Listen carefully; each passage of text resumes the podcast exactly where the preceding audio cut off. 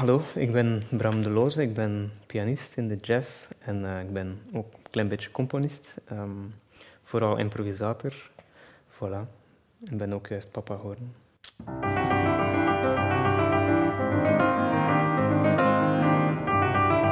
Podcast Freelancer.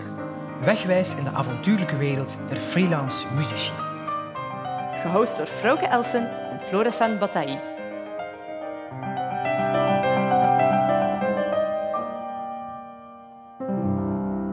Hallo, welkom bij podcast Freelancer. Bij ons zit momenteel Bram de Loze. Welkom Bram. Merci. Dank u wel om hier te zijn bij ons. Bram is uh, jazzpianist, uh, een beetje componist, zeg hij van zichzelf, maar ik denk dat we gerust kunnen zeggen een steengoede componist. Um, hij is ook een, uh, een zeer geprezen improvisator. Um, Bram, ik ben eens gaan kijken op jouw website en op jouw Facebookpagina. Um, daar staan heel toffe projecten op tot maart 2020. Mm -hmm. Wat heb je sindsdien allemaal uh, gedaan? Goh, ik heb eigenlijk mijn website niet meer aangeraakt sinds maart. um, goh, vooral streaming zo. Um, in het begin was het vrij moeilijk en dan opeens kwam er een festival opdagen in, in Flagey, uh, Bell Jazz Festival. Dat was eigenlijk leuk omdat ik was eigenlijk bezig met een solo plaat aan het maken, een uh, solo programma aan het uh, voorstellen in verschillende zalen ook in, in het buitenland. En dat viel dan allemaal stil, juist op het einde, wanneer dan al die buitenlandse concerten uh, juist ja. eraan kwamen. En ik had het gevoel dat die muziek ook echt uh, beter en beter aan het worden was. En het was jammer dat die climax juist niet kon komen. Um, en toen moest ik eigenlijk wachten tot dat Bell Jazz Festival voor nog een keer te kunnen een soloconcert doen. Dus dat was zo even een verademing en terug wel hoop of zo. En dan kwam de zomer. Um, dat was Gent Jazz en Middelheim. Die begon uh, er ook in te geloven dat het nog mogelijk was voor ja. concert te doen. Dus, en dat is toen uiteindelijk gelukt, met 400 man of zo. Ja. In een grote tent natuurlijk. Dus dat was weer zo een beetje hoop. Zo. En, uh, en heel leuk om te doen. Uh, vooral omdat je zo lange periodes van niks zit en je bent eigenlijk meer geïnspireerd uh, dan anders. Anders Ja. is het zo'n volonté iedere dag proberen terug al ja, op te bouwen. Het is zo één grote opbouw naar één concert. Ik vind dat altijd toffer dan dag na dag spelen. Dus Dus enke, er, ergens heeft het voor jou ook wel positieve Zeker. kanten gehad. zeker. Ik heb ook meer tijd gehad voor te componeren. Ja. Ehm, en nu onlangs ook voor een trio-album. Eh, ah ja, en ook trio-residentie plus concert in de bijloken. Ehm, had ik ook veel meer tijd om te schrijven. En ja, dus met de Amerikaanse drummer Eric McPherson en um, Duitse bassist Felix Henkelhausen. En dat is eigenlijk ja, al die tijd dat je hebt om te schrijven. En ik had nog altijd het gevoel dat ik te weinig tijd had. Maar, uh, maar dit deugt voor dat eigenlijk te kunnen doen. Ja. En ehm, zijn dat dingen die je gaat meenemen naar wanneer dat ons leven hopelijk terug volledig uh, herbegint? Dat je meer gaat bewust pauzes inlassen bij bepaalde projecten? Misschien later, binnen 10 of 20 jaar, maar nu nog niet. Mm. Ik gevoel dat meer spelen altijd belangrijker is dan, Ja. uh, dan je tijd pakken. Allee, ja. Misschien is dat later belangrijker, ik weet het niet. Daar ben ik nog niet uit. Jij hebt het uh, in interviews vaak over um, je eigen stem vinden, trouw zijn en jezelf. Um, is dat iets wat dat je eigenlijk al uh, op jonge leeftijd voelde, wat dat je eigen stem was? Of hoe, hoe, hoe heb je die eigenlijk leren kennen? Mm -hmm. um, ja, ik het gevoel dat, dan, dat ik nu nog altijd in een verlengde zit van hoe dat ik mee gestart ben, als ik 14 jaar was of zo. Um, voor mij was het eigenlijk allemaal gestart wanneer dat je met heel veel mensen begint samenspelen. En eigenlijk door al die invloeden en van mensen die, die eigenlijk al vrij ver staan een eigen stem te ontwikkelen of zo, dat je dat ook wilt of zo. En dan luister je naar pianisten die echt uh, ongelooflijk uh, ver geraakt zijn in, in dat, hun eigen ding te ontwikkelen. Dat dat mij ook begon te inspireren. En ik heb het gevoel dat ik nooit iets zou kopiëren of zo. Wat dat niet wil zeggen dat ik niet aan het transcriberen was. Mm -hmm. Maar um, allee, ik was heel veel dingen aan het pikken van iedereen. Allee, wat, wat dat een normaal ding is voor te doen voor een jazzmuzikant. Je zocht overal de beste dingen uit en je combineerde die tot... Maar je kunt dat ook niet super uh, op het cognitieve allemaal samenvoegen. Dat is iets dat heel natuurlijk gebeurt. Um, dus ja, dat zit in je achterhoofd, in je onderbewuste bijna. Of, en dat komt er onbewust uit. Hm. Uh, dat is ook hoe improvisatie misschien over gaat, denk ik, hoop ik. Ehm, ja, voilà. Je bent ook iemand die... ehm, ja, je werkt heel, heel veel aan je eigen taal en... en ja, uit, uit wat ik ook weet van jouw stijl en van jouw opnames, is dat je enorm gefascineerd bent door kleur, klankkleur. Maar een klankkleur die niet alleen geënt is op het vandaag, maar ook heel hard geïnspireerd is door vroeger. Ehm, ik weet dat je een grote fascinatie hebt voor de muziek van Bach bijvoorbeeld. Eh, maar ook, eh, wat betreft het ins- instrumentarium, ben je daar ook wel ergens uniek in als jazzpianist. Dat je ook teruggrijpt naar, naar ehm, instrumenten met rechte snaren, zelfs pianoforte. Mhm. Ehm, zijn Ja. dat dingen waar je ook echt bewust voor kiest en dingen die jou eh, direct ook eh, gaan inspireren om eh, nieuwe muziek te gaan schrijven? Zeker. ehm, met die pianofortes, dat kwam eigenlijk vanuit de periode dat ik enorm veel met improvisatie bezig was in New York. En dat was, allee, met, bepaalde, met bepaalde mensen kon ik echt voor drie maanden aan een stuk constant spelen. Alleen improviseren. Dus op een duur kent je je instrument zodanig goed. En ben je zo wat de, niet, niet de limieten ervan, allee, ja, ongeveer wel, ja, dat wil ik eigenlijk wel zeggen. De limieten begin je zo te beseffen van, ah ja, dat houdt me hier tegen voor eigenlijk nog meer flow te creëren. En. Of andere ideeën, allee, ja, andere instrumenten geven nu altijd andere ideeën. Dus met dat idee wou ik uitzoeken, wat kan ik eigenlijk doen met dat instrument dat niet elektronica, ja, niet gecombineerd met elektronica, maar hoe kan ik puur akoestisch nog iets anders vinden. Ehm, dus, en dan heb ik bij Maan al die pianofortes kunnen Ja. eh, bespelen en ik heb er een paar uitgekozen. Mhm. En dat was eigenlijk het begin van een leuk avontuurtje. Ja, ja, Ja. absoluut. Ja. ja, dat maakt inderdaad, voor, zelfs voor een, eh, een klassiek muzikant, is dat een grote uitstap als klassiek pianist om plots eh, op een pianoforte of zelfs op een romantisch instrument te gaan spelen. Dat opent het blikveld enorm en dat... daar ga je ook eigenlijk andere klankkleuren meer gaan, eh, gaan begrijpen. De muziek van Debussy werkt nu eenmaal beter op, eh, op zijn instrument, of de muziek Mhm. van, eh, van Chopin op de historische vleugel. Hoe is het dan om nieuwe muziek te gaan maken op zo'n oud instrument? Ehm, ga je dan vooral op zoek naar iets wat stilistisch past bij het instrument waar je op speelt? Of gaat het echt puur om klank en het resultaat dat je bekomt? Goh, het is echt puur op klank en het gevoel dat je krijgt van allee, wat komt er uit Ja. wanneer dat ik daar nu op speel. Wat komt eruit? Weet wel. Dus, Mhm. eh, het is echt puur proberen altijd het aspect van improvisatie zo groot mogelijk te houden Ja. en eh, niet te veel eh, preconceived. Mhm. Alhoewel, ik heb wel composities dat ik echt, of bepaalde ehm, ja, kleine ideetjes die ik wel van de piano, per piano wist van ah, Mhm. dat werkt goed daar Ja. en in dat register ga ik daar iets mee doen. Maar toen nog altijd gebruik ik heel een instrument al improvist. Ja. Mooi. Je hebt eerst jouw ehm, diploma gehaald hier in België, daarna ben je naar New York getrokken.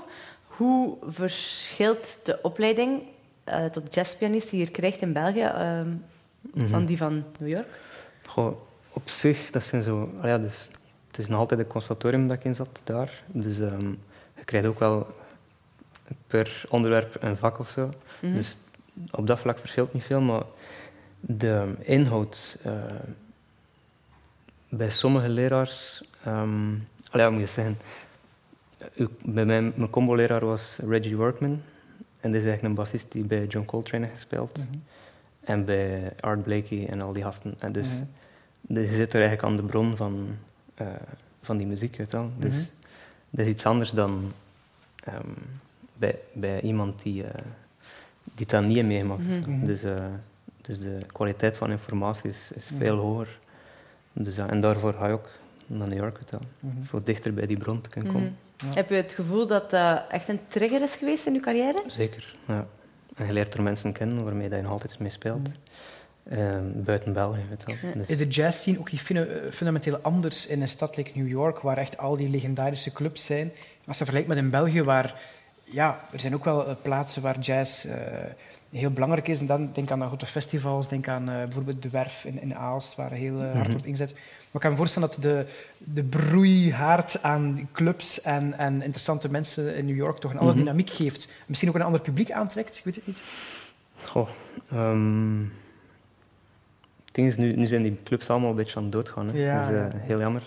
Maar ehm, al die clubs zijn super sterk geworden in de jaren wat, 50 waarschijnlijk. Mhm. Ja. En dat is nog altijd zo een uitloper daarvan nu. Mhm.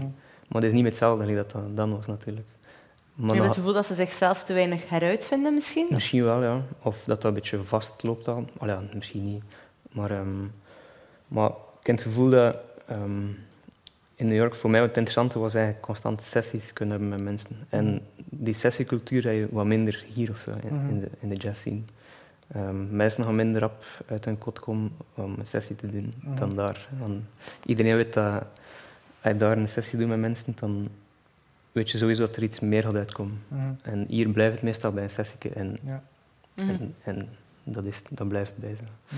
Dus ehm allee, ik ken er het meest aan gehad eigenlijk. Sessies en dan leren mensen kennen.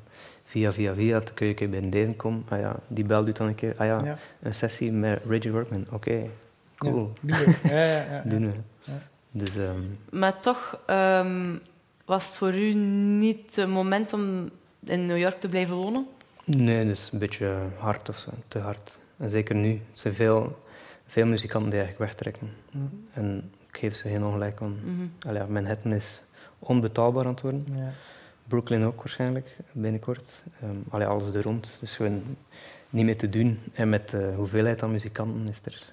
Ja, tenzij dat je constant op tournee bent, maar waarom wil je dan nog in New York wonen? Ja, voilà. je Je kunt even goed in, wel? eh Dus, eh, in Etterbeek wonen en af en toe Voilà. eens op en af. Ja, ja, ja, mhm. Eh, in onze reeks, podcast Freelancer heet het, hebben we het over ehm, het freelancen. Maar in jouw geval, je bent natuurlijk als zelfstandige actief. Maar het, het creëren van je eigen parcours, zeg maar. Hè. Je bent je eigen werkgever, tenslotte beslis jij welke projecten je doet en welke Mhm. niet.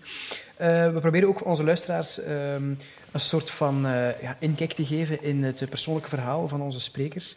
Ehm, om, u, nu- om u even te richten tot eh, studenten jazz of, of mensen die nog volop timmeren aan de weg. Ehm, hoe moeilijk is het om aan de bak te komen als jazzmuzikant in België? dat is vrij moeilijk, denk ik. Ja? Ik heb wat geluk gehad dat het heel vroeg begonnen is bij mij. En ehm, allee, de grootste ehm, raad waarschijnlijk dat je kunt geven is gewoon zoveel mogelijk mensen eh, leren kennen en vooral mee spelen en zorgen dat je heel eh, eerlijk je muziek kunt delen met die mensen. En Mhm. ehm, dat dat wat dieper gaat, je wel. Mhm. En dat je met iedereen echt een goede relatie kunt opbouwen. Mhm. En dan komt er sowieso wel iets uit. En op dat kun je blijven bouwen. Mhm. Dus dat is voor mij het belangrijkste geweest, sinds dat ik 14 was. Ja. Ehm, en dan had ik chance, heel veel chance, dat ik eh, iemand al leren kennen. Jens tijd had. Ehm, hoe ik die leren kennen? Ik denk dat hij huiskamerconcerten aan het organiseren was, Mhm. ergens rond 2009 of 10. Mhm. En toen in 2011 ehm, ja, begon ik met een trio. Of was dat 2010, ik weet het niet. En die wou dat mee ondersteunen. En allee, die wou er concerten voor boeken en zo. Dus, en die, begon, die had dan ook al ehm, eh, subsidies voor een soort van, allee, voor zijn boekingskantoor. Het Lab Trio waar je over spreekt? Nee, dus een trio met Jos Machtel en Ah, ja. Matthias de Walen. En dat zat ook op werflabel hier in, Mhm. hier in Brugge. Ja. Ehm, dus ja, toen heb ik Jens leren kennen en die heeft mij eigenlijk sindsdien constant eh, mee ondersteund met Mhm. alle projecten. En dus die boekt en die, ah ja, en die is nu eigenlijk, die doet bijna alles nu. Mhm. Ehm, alle bands, alle Ja. projecten. Dat is voor jou echt cruciaal. Ja, zeker. Moest, je- moest je dat zelf allemaal moeten doen, is dat... Ja. Allee, ik ben er ook niet echt de mens voor, voor dat Mhm. te doen. En dus, Jij eh, houdt je gewoon veel liever bezig met artistieke. Ja, allee, bij iedereen. Ik weet het niet. Mm. Ja, er natuurlijk vanaf. mensen die dat leuk vinden. Voilà, is maar, dat. je eh, moet er ja. een beetje persoonlijkheid voor hebben. Ja. Minder uh, Ze zijn minder. Ja, zeker. zeker, zeker. Misschien interessant om ook even op, bij stil te staan. Als, uh, als jazzmuzikant is het uh, ja, ook een afweging waarschijnlijk waar je wil spelen, waar je zegt, oké, okay, dat doe ik, dat doe ik niet. Uh, typisch aan jazz is de cafécultuur, de jazzcafés. Mm -hmm. um, maar ik heb de indruk dat jij toch vooral opteert om voor de grote festivals, de grote schouwburgen. Ja. Is, het, is het moeilijk om... Uh, om dat ja, te combineren. Om je zo te profileren, om dat te combineren? Ja. Ik zou dat graag willen, dat dat te combineren valt, maar ja. je kunt dat bijna niet meer maken. Allee, ja. Stel je voor dat er hier nu een tof jazzcafé is in Brugge en, ja. En een maand ervoor spelen hier in het concertgebouw voor een grote fee en dan spelen voor een kleine fee. Ja. Je kunt dat bijna niet meer maken. Allee, dus, en qua inkomen is dat dan niet meer te doen. Nee. Mm -hmm. Dus um, het is jammer dat dat... Allee, het is vrij jammer. Mm -hmm. Het is een heel ander gevoel. Hè. Ja. Ik weet nog dat we met Mixmonk, met Joey Byrne en Robin Verheyen speelden mm -hmm. in, de, in een klein baartje in Brussel, de Monk. De Monk, natuurlijk. En, en, iedereen staat er zo dicht op u. Ja. En je voelt, dat, je voelt die energie van de mensen veel meer dan dat ze allemaal op een stoeltje zitten en Ja, en luisteren we braaf. luisteren braaf naar Ja, ja. jazzmuziek. Ja, ja, ja. Dus, eh allee, ja. Het ongedwongene is, is, eh, van zo'n caféconcert is eigenlijk wel fantastisch. Denk aan zo'n café, eh, Hot Club de Gaunt in Gent ook bijvoorbeeld, waar zo echt eh, veel leven in de brouwerij is. Of eh, in het stuk in, in, in Leuven heb je ook eh, die jazzsessies. Ehm, ja, dat is iets... Het, speel, het lijkt alsof het speelplezier bij jazzmuzikanten soms zelfs nog een stuk hoger ligt dan, eh, dan bij klassieke muzikanten. Of althans, wij mogen het eh, niet altijd laten zien. Er wordt zo'n zekere formaliteit eh, verwacht. Maar jazzmuzikanten zie je heel vaak echt gewoon compleet uit de bol gaan. Ik denk ook aan bijvoorbeeld iemand zoals Jeff Neve, is ook Mhm. iemand die... ja, die, die, die mensen amuseert hem gewoon kapot op een Ja, podium. en dat zie je ook. Is dat iets wat eh, bewust ook wordt gecultiveerd? Zo het, het eh, plezier uitstralen en, en die eh, X-factor op het podium? Oh, dat hangt af van muzikant tot muzikant. Dan, sommige jazzmuzikanten zijn ook echt gewoon super introvert. En ja. Like Bill Evans eigenlijk, die, Ja. was, die kon bijna niet spreken voor het publiek. Dus, dus die zat heel, helemaal zo en die durfde niks doen, weet wel. Allee, ja, Ja. behalve spelen. Mhm. En, eh, maar hij natuurlijk het omgekeerde ook. Hè. Maar ik weet niet of dat iets algemeens is, dat denk ik niet. Het hangt echt af van persoon tot persoon. Introvert iemand of niet. Dus eh, Spreek jij graag en gemakkelijk eh, tegen je publiek? ik probeer dat meer en meer te doen. Ja. Maar soms heb ik ook het gevoel dat het soms in de weg zit van de muziek. En, en dan wacht ik meestal tot aan het einde of zo. Of misschien één keer ergens in het midden. Maar met die, met die pianoforte deed ik dat wel meer. Omdat het wel tof was voor te zijn. Ja, Wat- wat, dan die informatie context. ja, voilà. ja. Waar dan die instrumenten van komen. Of zo. Ja. En, ehm, maar het, like met trio nu, omdat we zodanig gefocust zijn op die muziek, heb ik het gevoel dat, dat ik gewoon op einde iets wil zeggen en, Ja, ja. en basta. Wel. Ja, dat is ook goed, hè. Wayne Shorter zei ook soms totaal niks, dus Ja. muziek spreekt voor Muziek voor zichzelf. is Ja. mooi.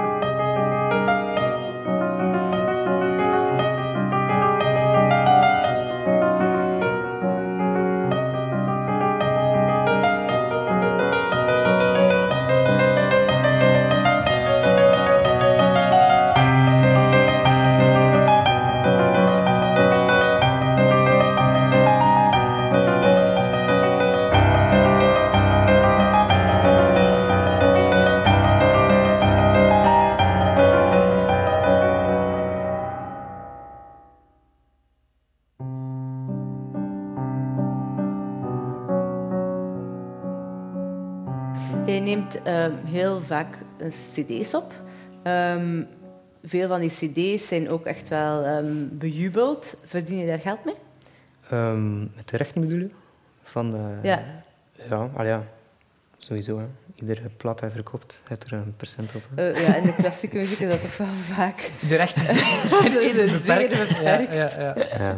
De rechten zijn beperkt natuurlijk, maar, Maar je dus, altijd een eh, je, percent op je kunt echt wel zeggen CD. van... ehm, ik, veel, ik maak een cd om daar geld mee te verdienen. Goh, een beetje, maar uiteindelijk, iedereen weet dat jazz-cd's niet veel verkopen. Mhm. Dus, eh, ja, omdat het gewoon een niche is. Je. Mm. Dus eh, maar we proberen er wel ons, ons, ons uit, uit te trekken of zo. Dus we verdienen er niet niks aan, hè. dat is ook Nee, niet waar. Hè. Maar ook niet heel veel dat je ervan Ja. kunt leven. Al ja. Maar het is door al die kleine beetjes samen dat Ja. wel van te leven valt. Om het even te hebben over de grote festivals. Eh daarnet heb je al eh, twee belangrijke, misschien de twee belangrijkste in België, ik weet het niet, Jazz Middelheim en, eh, en Gent Jazz.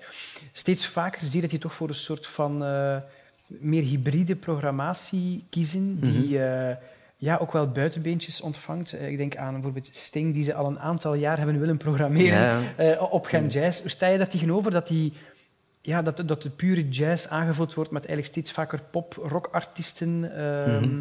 Vind je dat een goede zaak of valt dat te betreuren? Pijzen voor de groei van het festival is dat nodig. Mhm. Ehm, aan, de andere, aan de andere kant kun je je afvragen, van, moest zo'n festival nog groeien. Eh, Ja. ja, ik, ik ken er eigenlijk geen probleem mee. Allee, zelf word ik enorm ondersteund door, door de organisator van Mhm. Handjazz en Middelheim. Dus allee, ik ken eigenlijk totaal geen eh, probleem ermee. Mhm. Aan de andere kant is het ook wat een eye-opener of zo voor, de, voor het niche van jazzmuzikanten. Ja. Die zo wel even, oké. Ehm, maar ik ken daar sowieso geen probleem mee tot nu Mm. toe. Ja. Maar inderdaad, misschien kan er wel altijd meer jazz, allee, jazz, jazz zijn. Maar ehm, ja, dat is een moeilijk punt altijd. Mhm. Oftewel overleeft het festival of niet. Allee, het moet kleiner worden. En, verkleinen lukt waarschijnlijk niet. Ja, niet meer. Want ik heb dat je zo'n niveau bereikt hebt. Ja. Ehm, denk jij strategisch na over ehm je carrière? Dus je hebt eh, New York gehad, daarna zijn je begonnen ook met die historische instrumenten en zo. Ehm, is dat iets waar dat je, ehm, dat je bijvoorbeeld weet van nu mijn volgende stap is dit en dit en dit? Of laat je het maar zo gewoon allemaal een beetje op je afkomen? Goh, dus per jaar of per project altijd. Dus altijd van, ah, wat is het volgende project dat ik wil doen? Ja. en, en dan ga ik daar volledig voor. En toen is dat meestal een periode van een jaar en een half, twee jaar. En dan komt er weer iets nieuws. Of terwijl in die twee jaar zijn alweer bezig met het volgende. Maar het is niet dat ik nu al weet van binnen tien jaar wil ik daar staan of zo. Allee, ja. Je probeert gewoon altijd te groeien of zo. Maar voor mij het belangrijkste is nog altijd de muziek eh, bovenaan. En waar eh, droom je nu momenteel over? Gewoon met dat trio nu, ehm, die tour in oktober, daar eh, zie ik wel enorm naar uit. Dus, allee, voor mij is dat nu al hetgene dat ik keihard op wil focussen. Dus eigenlijk gewoon die muziek echt eh, super hard absorberen en ontwikkelen. En ik hoop dat zij dat dan ook wat doen thuis. En, ja. maar de bedoeling is van veel te spelen en dat dat zo kan groeien en dat we wat tof materiaal kunnen hebben daarvan. Opnames. Ook dat ze het gehoord hebben natuurlijk. Dat ze een huiswerk doen. Ze spreken geen Nederlands. Ja. Ja, want hoe zit dat dan? Eh, Misschien eh, een beetje een eh, onnozele vraag, dat weet ik niet, als, als eh, een beetje jazz leek. Maar dus als je zo een plaat hebt met heel veel improvisatie, dan ehm, is die elke concert echt helemaal anders. Mhm. En dan, dan voel je eigenlijk echt wel dat die, dat die groeit en groeit en groeit, meestal door, door, doorheen de tour. Zeker. Ja, Mm. ja. Dus al ja, dat is eigenlijk het tofste aan, aan een tour. Of zo. Omdat je altijd andere energieën voelt, iedere dag. Dus uh, zo... Dus eigenlijk zou het interessant zijn om een plaat op te nemen, dan een tour te doen en dan dezelfde plaat nog eens. Het tofste is eigenlijk voor een plaat achter die tour, of ja, tijdens maar dat is... Maar dat is bijna niet meer mogelijk, Ja. omdat iedere zaal... Al ja, je meer kans voor een concert hebt dan je Ja. cd-release hebt. ja. Dus, eh, Klopt. dus je moet altijd wat Waarschijnlijk schakelen we dan meteen in het volgende project en dan is het... eh, En dat gebeurt veel te veel. En, Ja. Maar ik het wel te voelen dat de meeste mensen daar wat, eh, nu ehm, proberen wat afstand van te nemen. Misschien door de crisis ook even nadenken over hoe, wat zijn we eigenlijk aan het doen Ja, en hoe voilà. werken we. Ja. Maar ik ken ook keihard gevoeld in de jaren, allee, wanneer was dat? Rond 2015, 16. Voel ik dat bijna bij iedereen, dat, dat iedereen er echt van, van aan het afzien was. Omdat niemand zijn muziek eigenlijk echt beheerst. En je ziet nog Ja. altijd mensen lezen op het podium. Terwijl, allee, ja, dat is zo jammer. Allee, ja. Mm. Je hebt dan de kans voor eigenlijk die muziek naar voor een publiek te brengen. Ja. En toen moet je toch nog lezen. Terwijl dat je, dat je weet van, als je nu 15 keer speelt, ja, gewoon thuis, alleen, en oefent dat echt samen met, met de band, dan gaat dat tien keer veel beter. Dus het is eigenlijk een kwestie van oefening ook, samen met de band. En tijd natuurlijk. Hè. Eh, Maar die podiumervaring is, is eigenlijk nog het belangrijkste. ja. Nog meer belangrijk. Dus ehm, als je 15 concerten kunt doen, dan pas is het echt eh, Ja. de moeite voor op te nemen. Dus, en op cd's bedoel ik dus vooral. Hè. Mhm, Dat is eigenlijk ook vooral lezen op cd's, Ja, ja, ja. cd-opnames. Dus dat is Ja, ja, het jammer eraan. nog niet Ja. in, in het programma nog niet ingespeeld is. Ja, Ja. Dat vind ik ook wel eh, bij klassiek repertoire. Zelf al staat elke noot vast. Dan nog doe ik ook veel liever een cd-opname na al een heel aantal concerten eh, dan op voorhand. Want je merkt toch inderdaad dat dat een heel andere eh, energie krijgt. En, en het zot is ook, ehm gelijk bij de jazzgroep, jazzgroepen van vroeger, toen echt van die clubs die echt zeiden van, ja, je mag hier een maand spelen, Mhm. iedere dag. Allee, ja, toen was het niet, allee, ja, dan pijst dat John Coltrane een maand in één club met zijn band kan spelen. Die ontwikkeling dat die gasten hadden, of zo. Dus, Ja. Maar anderzijds Dus duwt hij dan natuurlijk wel zijn pianist mee de studio in voor eh, Huge Steps of Big Steps, weet het nummer? Giant Eh, Steps. Giant Steps, dat is het. Mm. En eh, dan wist hij wel ook niet wat hem Ja, voilà. En ja. die solo is heel, heel legendarisch geworden, omdat dat, dat, dat, dat pianist eigenlijk van geen, Nee, geen houtpijlen wist te maken. Ja, dat is heel grappig Ben je dan iemand die echt moeiteloos hetzelfde concert 300 keer zou kunnen spelen? God, 300 keer is misschien wel veel, maar eh, al ja, een tour of zo van, van of zo'n club van, van, eh, van twee of drie weken, ik zou dat echt wel een keer graag doen. Ja. Ehm, ik ken nu zelfs mensen die naar China gaan, die bepaalde clubs zo, voor wat is het, drie, drie maanden of zo. Ja. Dus eh, al ja, als het dan terugkomt, voel je dat wel, dat ze, dat ze zo enorm ontwikkeld zijn Ja. in hun muziek. Dus het is dat dat ik zo mis, Ja. van vandaag. Ehm, Ja, ja, ja. En heb je Ja. vaak last van stress bij concerten? Nooit, oh ja, bijna nooit eigenlijk. Tenzij dat ik echt zoiets uitgeschreven keihard moet Correct. eh, nailen. Dus ja, echt, ja, eh, ja. dan zoek ik wel is En als ik weet van dat ik niet in vorm ben, aan, de, aan mijn vingers niet in vorm zijn, dan, Ja. dan wordt het nog erger. Zo. Maar als ik zo een week in een volbak gespeeld, dan komt alles eruit, zonder probleem. Dus, eh, En zelfs de, de grootste zaal, het bekendste festival, daar ga je gewoon op je koude voeten gaan spelen. ja, ik heb het gevoel dat ik beter speel eigenlijk. Dus, dus Dus, ehm, eh, een beetje positieve stress, zo, de goede Ja, adrenaline, voilà. dat, dat, ik vind dat daar, tof, daar tof reis je op. Ja, ik vind dat Mm. tof. ja. Ik weet nog, in, in Bozar, dat is altijd tof voor eh, zo'n beetje die drukte. De en- kick. Ja, ja.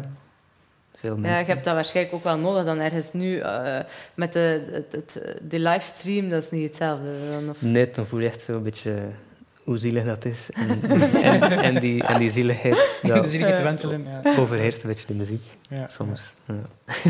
Ja. Kwestie van bezig te blijven Het is natuurlijk. Dus, Hopelijk komt het snel eh, terug. nee, ja, het is dat. Iedereen hoopt mee. eh, dus- Maar aan de andere kant zie je wel heel veel... ehm al ja, zie, zie heel veel... ehm wat moet je zeggen? Je kunt veel bands bekijken, nu online, en heel duidelijk. Je kunt zo alles super duidelijk zien nu, van Mhm. hoe dat iedereen werkt of zo. En let u daar wel een beetje aan het gluren online naar de Eigenlijk, ja, eh. voilà. Ja, je weet. Ja. Nee, maar soms kun je zo andere dingen eruit afleiden van hoe, hoe dan bepaalde muzikanten Ja. zijn. Ja, ja, weet je wel. tuurlijk, ja. Dus eh, gewoon door die leegte van geen Ja. publiek. Een bijkomende vraag. ehm, binnen de Belgische jazz scene dan, ehm, is er veel concurrentie en voel dat ook aan als concurrentie? Voel dat er een soort van nijdigheid is tussen eh, collega-pianisten? Goh, gelukkig niet. Ehm, maar ik heb wel het gevoel dat... Ja, ehm, het jammer is dat er weinig, te weinig speelkansen zijn, het gevoel. En als je dan juist geen management hebt of geen boeker hebt die er keihard op gaat, Ja. je hebt er zelf energie niet voor of tijd voor, dan vind ik dat heel jammer voor de, voor de mensen die eigenlijk supergoed spelen. En Mhm. die, die, die moeten dat ook doen, die verdienen dat ook. Ja. Dus, eh, soms voel ik mezelf schuldig dat ik, dat ik een boeker heb. Als ik dat vergelijk met mensen eh, van mijn leeftijd. Of eh, andere muzikanten die dat jammer genoeg niet hebben. mhm, Dus dat zou eigenlijk meer eh managementkantoren moeten zijn. ja. Meer boekers. Dat zou ideaal zijn voor de jazz. Ja. Allee, voor de vechten voor het publiek en, eh, Ja, en om speelkansen te creëren. maar ook heel omkadering van wat dat je doet. je wel. Ja. Ah, allee, reclame maken voor concerten. Dat je daar ook allemaal niet nog mee bezig moet zijn. Ja. Dat nee, slokt zoveel tijd op. Ja, of klopt. interviews regelen. En zoveel gedoe. Voilà. maar dat is iets anders. Ja, ja. Maar ik heb het gevoel dat vroeger, ik weet niet wat dat vroeger was in de jaren ik weet niet, 90 of zo, dat, ik heb het gevoel dat de mensen altijd meer gebeld werden dan dat een boeker altijd moet gaan Ja. vragen. Weet je wel. Ik weet het Schouw je jezelf als ondernemend of niet echt? Ik zelf iets minder.